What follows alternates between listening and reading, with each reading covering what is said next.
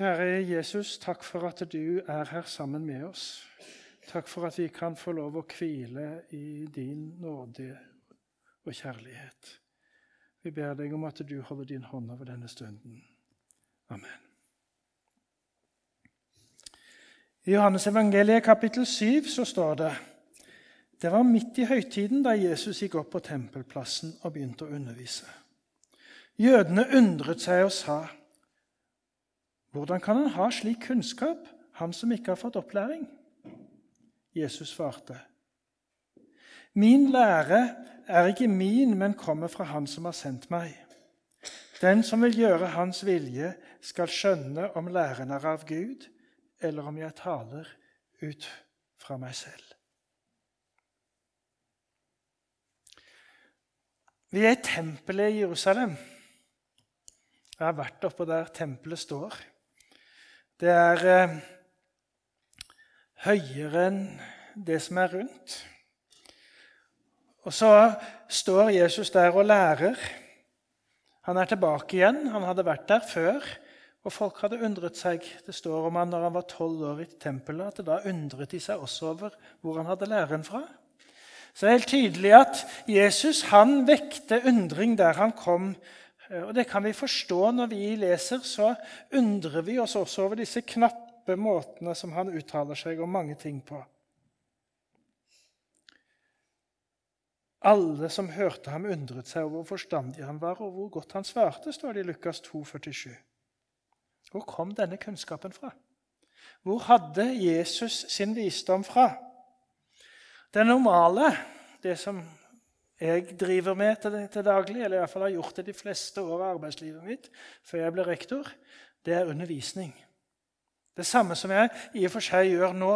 Det å, å forkynne Guds ord og legge det ut og tolke det, det er der vi får lærdom. Og slik var det på Jesu tid òg. De fleste som ble vise, de gikk i skole hos andre. ja. De gikk i skole på en litt annen måte, hvor det å være nær og sammen med og leve sammen med Mesteren var viktig. For Jesus var det også slik med hans disipler. Han lærte disiplene sine. Eh, de gikk med ham, de vandret med ham fra Galilea til Jerusalem, tilbake til Galilea, ned til jordalen, Rundt omkring vandret de og forkynte, og Jesus gjorde under osv. Men for Jesus så var dette litt annerledes. Eh, ikke det at ikke han hadde hatt en far og en mor som hadde lest til ham, men han hadde en visdom som folk ikke forsto hvor kom fra, og som var høyere. Og det merket folk rundt ham. Og når Jesus la ut Guds ord, slik som det han ofte gjorde, tok utgangspunkt, så, var det mennesker rundt ham som hadde en grunnleggende tillit til Guds ord. Det var ikke en slik kritisk refleksjon rundt teksten som man ser eh, særlig rundt Det gamle testamentet, men man hadde en sånn grunnleggende god tillit til ordet og tok det mer eller mindre slik det sto. Eh, og så er spørsmålet, som Jesus sier, den som hører etter Den som vil gjøre Hans vilje, skal skjønne om læren, altså Jesu lære, er av Gud, eller om jeg taler ut av meg selv. Altså Den som følger Guds vilje, slik Jesus taler den, skal kjenne på om denne læren er av Gud. Hva er det egentlig Jesus var opptatt av i forkynnelsen sin? Hvis vi liksom skal ta pulsen på Jesus, så tror jeg at pulsen et av pulsslagene går rundt dette som kalles det dobbelte kjærlighetsbud. Du skal elske Herren din Gud av hele ditt hjerte, av hele din sjel og av all din forstand. Dette er det største og første bud. Men det andre er like stort. Du skal elske de neste som deg selv. På disse to budene hviler hele loven og profetene. Og For Jesus så er nestekjærlighet utrolig viktig. Vi ser det i historien om den barmhjertige samaritan. Hvordan denne utlendingen og fremmede ble eksempelet for de som var innenfor. Som gjorde vel imot en annen, mot en fremmed. Bar, hjalp. Det var nestekjærlighet i praksis. Nestekjærlighet ikke i munnen, men i hender og føtter. Eh, og det, det bringer på en måte nestekjærlighet veldig nær. Men så handler nestekjærlighet både om den kjærligheten som går oppover mot Det er dobbelt kjærlighetsbud, mener jeg. Det handler både om det som går oppover mot Gud. Du skal elske Gud av hele ditt hjerte. Og de neste som deg selv. Og i Det nye testamentet, i Jesu lære, så henger nestekjærlighet sammen med de ti bud. Det gjorde det i den jødiske konteksten før han òg. De ti budene er eksempelet på hva nestekjærlighet er. I vår tid er det en tendens til å dra nestekjærlighet vekk fra uh, rett og galt. Men kjærlighet uten rett og rettferdighet er noe annet. Det er noe som kan sige sakte i en eller annen rar retning. Og så møter det, det andre store og sentrale temaet i Jesu forkynnelse, det er tilgivelse. Og Det møter vi kanskje sterkest i møte med syndere, i konkrete møter med syndere, der han, det kommer et menneske nær ham, og så begynner han å snakke med den, det mennesket, og av og til også med noen mennesker eh, rundt. Jesu, fortell, Jesu møter syndere som har brutt budene. Eh, og så sier han til kvinnen, f.eks. Da rettet han seg opp og spurte, 'Kvinne, hvor er De? Har ingen fordømt deg?' Det er et helt fantastisk spørsmål. For eh, det var helt tydelig at de hadde loven på sin side. Og så sier han, 'Heller ikke jeg fordømmer deg. Gå bort og synd ikke mer fra nå av.' Så møter han denne synderen nært. Sier ikke at det er greit, men han sier at det er tilgitt. Og da, da, da kommer nestekjærlighet sammen med tilgivelse eller eh, forløsning. Også til å holde, eh, handle om dette forholdet mellom hva som er rett og galt. Jesus sier ikke at det er greit, men han sier det er tilgitt, det er tatt vekk.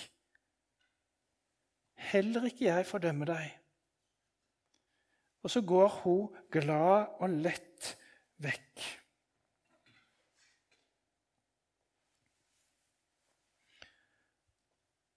Og så går Jesus i bergprekenen ganske tydelig inn på noen ting. Dere har hørt det sagt til forfedrene, du skal ikke slå i hjel. Den som slår i hjel, skal være skyldig for domstolen.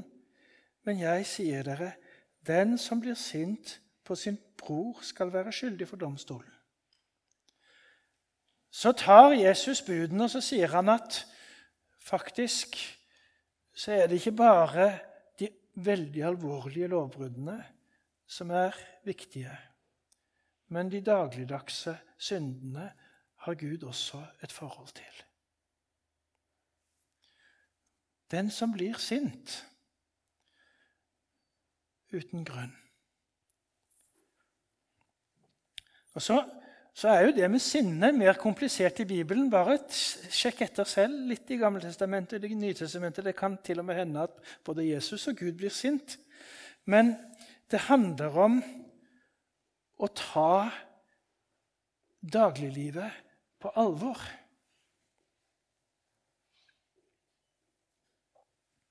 Så da har vi altså nestekjærlighet, så har vi tilgivelse, og begge deler forholder seg til det som vi kaller er rettferdighet.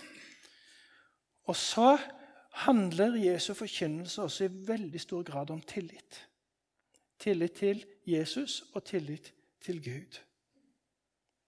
Vær ikke bekymret for livet, hva dere skal spise eller hva dere skal drikke, heller ikke for kroppen, hva dere skal kle dere med. Er ikke livet mer enn maten og kroppen mer enn klærne? Hvem kan vel med all sin bekymring legge en eneste alen til livslengden sin? Når Jesus stiller stormen, så er det troen og tilliten til Jesus som eh, er problemet for Peter. Og kanskje også utfordringen. Det er ingenting som er så vakkert, syns jeg, som når et lite barn kommer og så holder i hånden din og, og rusler med deg. De fleste av dere har opplevd det mange ganger. Det lille barnets tillitsfulle hånd. Og det er den, den relasjonen til Gud, altså vi som barnet og Gud som far, som er idealet i Jesu forkynnelse. Må bli som et barn, må ha tillit, må ha tro til Gud. Så det er altså nestekjærlighet, nåde og tillit, tro, som er sentrale deler av det som Jesus kommer til oss med. Og så sier Paulus i en sammenheng jeg skammer meg ikke over evangeliet, for det er en Guds frelse for hver den som tror. Jøde først, og så for greker. Jeg skammer meg ikke over evangeliet. Dette enkle, dette som kommer til oss på en så utrolig enkel måte, og som Gud gir oss gjennom Jesus, er utrolig viktig for oss i det daglige liv. Det er dette som er troens kjerne. Guds ord forteller mye annet om skapelse, om åndens virke osv.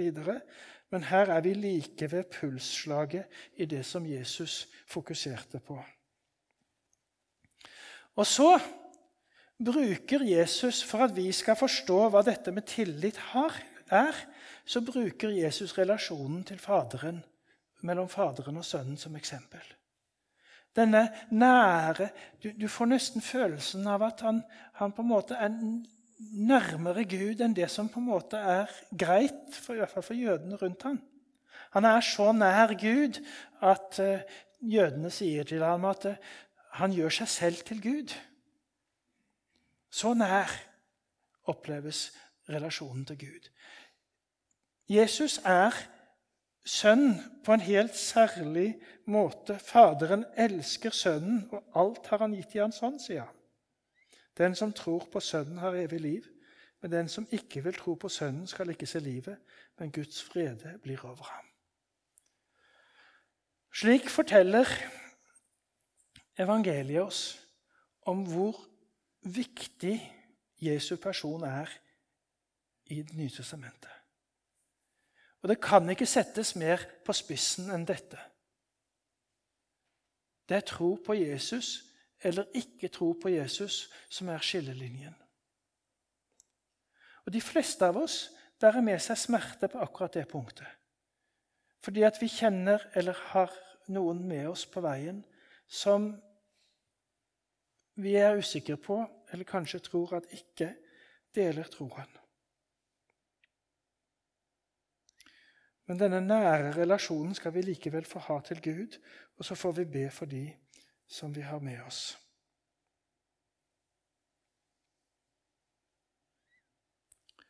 Og så er Jesus sendt.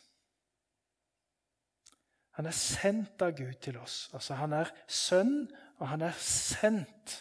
Han kommer til oss fordi at Faderen ønsket at Sønnen skulle gå og gjøre sin gjerning mellom oss.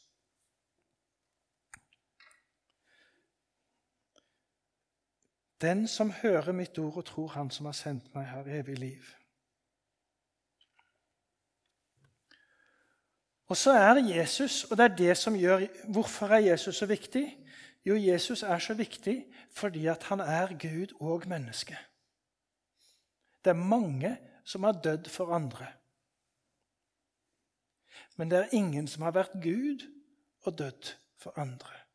Når Gud kommer og gir livet sitt for våre synder, så blir det noe helt annet enn det et menneskelig offer er.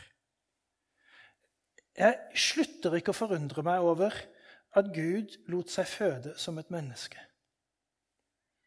Og Jeg sier at det, eh, det, i våre dager så er det, foruten helsepersonellet, så er det mannfolkene som vet hvordan en fødsel ser ut. Eh, kvinnefolka de vet hvordan det skjer, de kjenner det. Men å se hva som skjer, det, det er forbeholdt menn. Jeg har sett det fire ganger. Det gjør et mektig inntrykk, dette med et barn som føles. Det er utrolig konkret. Og så konkret var det når Jesus ble født. Han blir menneske helt og fullt sant, og han kaller seg selv for menneskesønnen. Og Samtidig så er altså dette lille barnet, som antagelig ikke snakket til å begynne med, og som, eh, som var et lite barn som måtte stelles, skaper. Det er en sånn kontrast i det at det er nesten så vi ikke får det til. Men så er det slik likevel. Fordi at Jesus begynner ikke sitt liv ved å bli født, slik som vi gjør. Han begynte Han sier før, før Abraham så var Jesus. Jesus var lenge før han ble født. Så Jesus han kommer og blir mellommann og gir seg selv som en løsepenge for alle. Og så sier han om seg selv 'Jeg er den gode hyrde', sier han. Hvis vi går til Det gamle testamentet, hvem er det som er hyrden der? Ja, det er Faderen. Og han lar seg omtale som Herre også i de tekstene der Herre står for uh, Guds navn, Jahve. Ordet Jahve i den hebraiske teksten, Herre i den greske teksten, i oversettelsen. Så tar de det ordet og så bruker de om Jesus. Så tenker vi kan man gjøre det der? Kan man bruke det ordet som dreier seg om Gud, sånn som han var i Det gamle testamentet, og så setter det rett på Jesus? Ja, Forutsetningen for at det kan gjøres, det er at Jesus er Gud. Men er Jesus Gud? Er, er det Gud som kommer i Jesus? Ja, så er det jo en selvfølge at den teksten dreier seg også om han. Og det handler om den måten som de så på Jesus. De forkynner ved å si at han er Herre, så forkynner de at han er Gud. Ja, han er evig. Og så innbyr denne teksten oss til etterfølgelse. Hva er det det står om vi leser?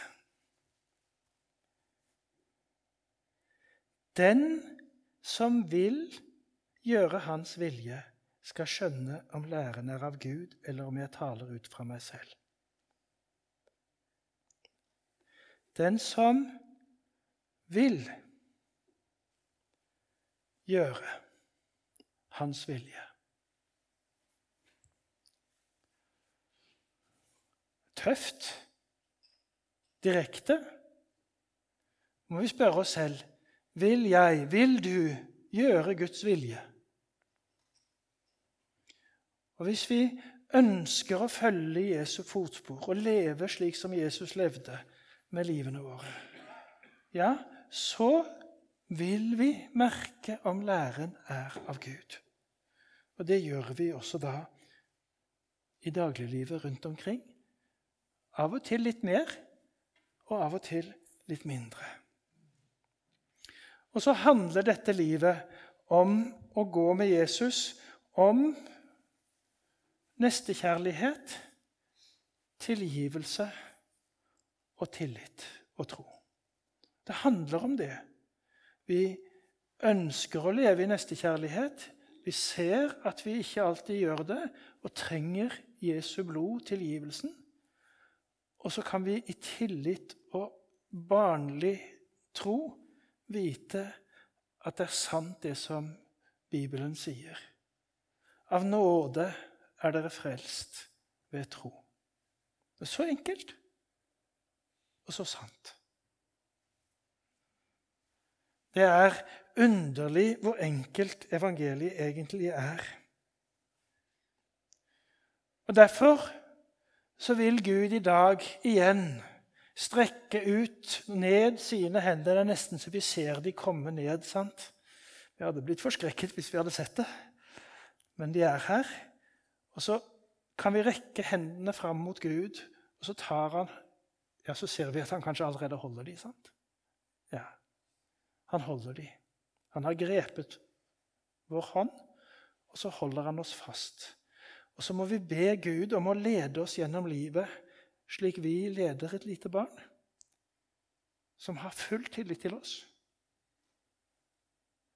Neste gang du tar en barnehånd og leder barnet med deg, så tenk på hvordan Gud ønsker å lede livet ditt. Skal vi be sammen? Kjære Jesus, vi har lyst til å takke deg for at du har vist oss hva nestekjærlighet er. Ved å leve på den måten selv. Ved å lære oss veien å gå.